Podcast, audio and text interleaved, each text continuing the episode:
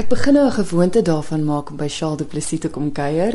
Dis 'n goeie gewoonte. Welkom, Kristel. Dankie. Ons gesels oor 'n konsert wat jy het saam met die Pretoria Simfonieorkes. Ek weet ons het 'n hele ruk terug gesels toe jy die eerste keer dink ek saam met hulle opgetree of is toe jy die nuwe klavier by Tikkies gekry het. Dis reg. Dit was met die nuwe klavier en ek dink daai keer was dit Beethoven 5de konserto wat ek saam met hulle gespeel het. En ehm um, hierdie keer is dit 'n nuwe projek. Ons noem dit Mozart meets jazz. Mm. So dis presies wat dit sê. Daar's gewone Mozart op die program. Ek gaan die 21ste klavierkonsert speel, daai een met die bekende Elvira Madigan, daai tweede deel waaroor mense so mal is, mm -hmm. wat uh al van 'n ertjie gefriesde ertjie advertensie tot by Bubble Bath dink ek gebruik is. en dan uh, net daarna in die program speel ek 'n konsert wat ek self bymekaar gesit het van Mozart uh materiaal of van ander konsertos wat ek sommer noem die Amadeus konserto. So dis dan 'n gewone Mozart konserto en dan 'n jazz Mozart konserto wat die Pretoria Sinfonieorkes maar met my jazz trio wat saam gaan speel. Dis musiek wat so bekend is aan mense. Hoe maak mense dit jazzy? Dis dis moeilik uh omdat mense altyd die vraag bly hoor in jou kop hoekom moet jy dit doen? Hoekom doen jy? Hoekom jazz jy iets op? Hoekom los jy dit net nie soos dit is nie? Ek dink die antwoord is ek kan dit op jazz wat wat wat dit moontlik maak om musiek vir die luisteraar nie te laat klink en 'n en 'n bietjie nuwe lewe daarin blaas op alle vlakke uh, van kreatiwiteit in die wêreld as dit kos of karre of skilderye of ja, noem maar op. Mense probeer die hele tyd goed reinvent. Hulle probeer dit verfris en nuut maak in 'n nuwe weergawe, 'n nuwe soort carry and race, 'n nuwe soort al daai soort goed. Dis presies wat ek doen met die musiek. Is ek ek respekteer Mozart genoeg om te kan wys goed hier speel ek die 21 heeltemal normaal. Dis nie dat ek nie uh klassieke musiek kan speel nie. En dan daarna uh doen ek net iets wat ek dink uh, uniek is en nuut is. So die orkes is verskriklik opgewonde hieroor. Hulle het nog nooit so iets gedoen nie en was aanvanklik bang dat van die ouer mense vreeslik uh, obstinaat gaan wees en sê nee, ons ons soek nie dit nie. En toe kom ek agter nee, die die gehore is mal daaroor. Hulle hou ook van iets nuut en 'n uitdaging vir die oor en 'n bietjie 'n uh, eh, uh, verrassingselement van oh, Wow, ja, ons ken hierdie melodie, maar hoor hoe klink dit nou? Mm. Jy's dis lekker. Voel hy, voel hy beat. Dis lekker. So ek dink dis dis die die kruks van die saak met daai konsert. En dan na pouse speel die orkes 'n uh, Beethoven 4de simfonie wat ek dink 'n uh, lekker swaar gewig werk is na pouse uh, vir die mense wat dan nog bly. Ek is so bang almal loop pouse. maar ehm um, nee, ek sê net maar dit gaan 'n lekker konsert wees. As mens kyk na die term jazz, wat is dit? Ja.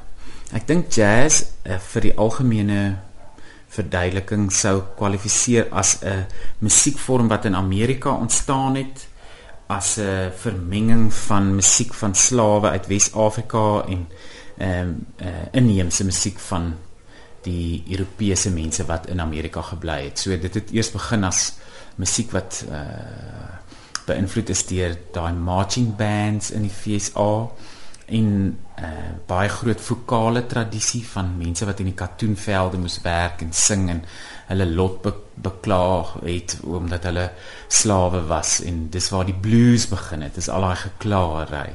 Vandag dink ek het jazz te doen met al die style wat sedertdien ontwikkel het wat goed soos swing of bebop of die Latyns-Amerikaanse musiek sulke goed insluit.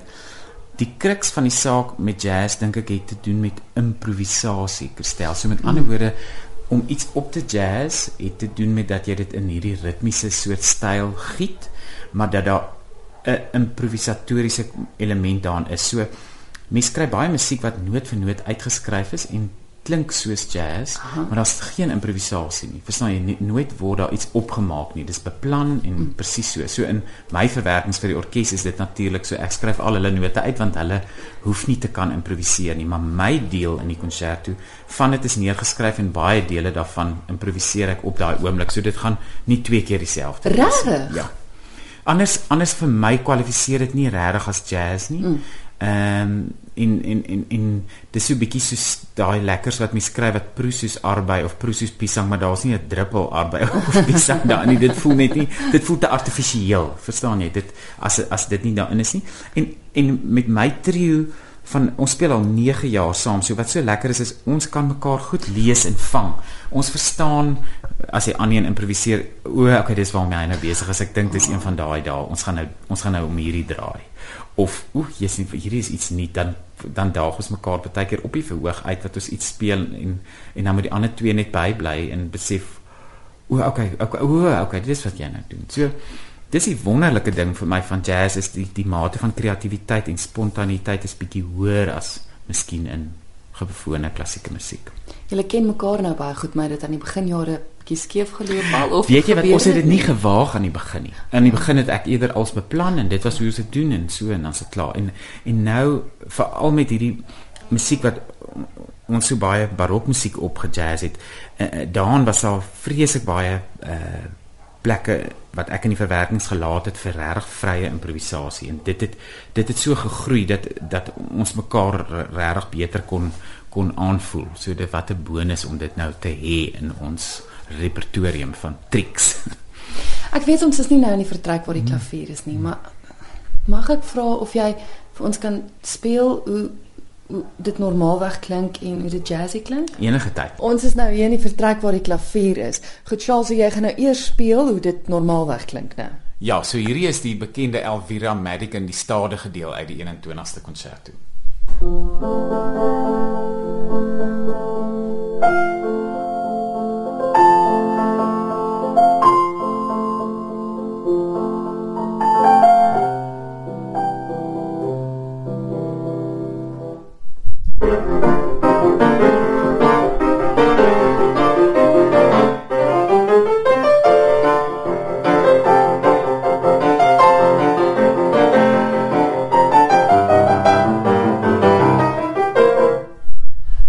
Interessant. Mens kan hoor dis dit, maar dis opgejazz. Natuurlik. So dit's dis net 'n bietjie meer kreatiewe manier miskien van om daai melodie te interpreteer. En kom dit van self. Mens moet beplan, jy moet dink, okay, wat gaan ek nou doen? Dis soos as jy 'n kamer verf, jy kan nie net gryp nie. Maar ehm um, ja, ek sien baie uit na die konsert. So dis die 6de en die 7de Junie in die Museion op die kampus van Tikkies en besprekings is oop by CompuTicket vir Mozart meets jazz. En beide konserte is in die aand. Die 6de is 'n Saterdag, dis in die aand en Sondagmiddag 3uur. So mense besluit gaan ek slaap of gaan ek Mozart luister.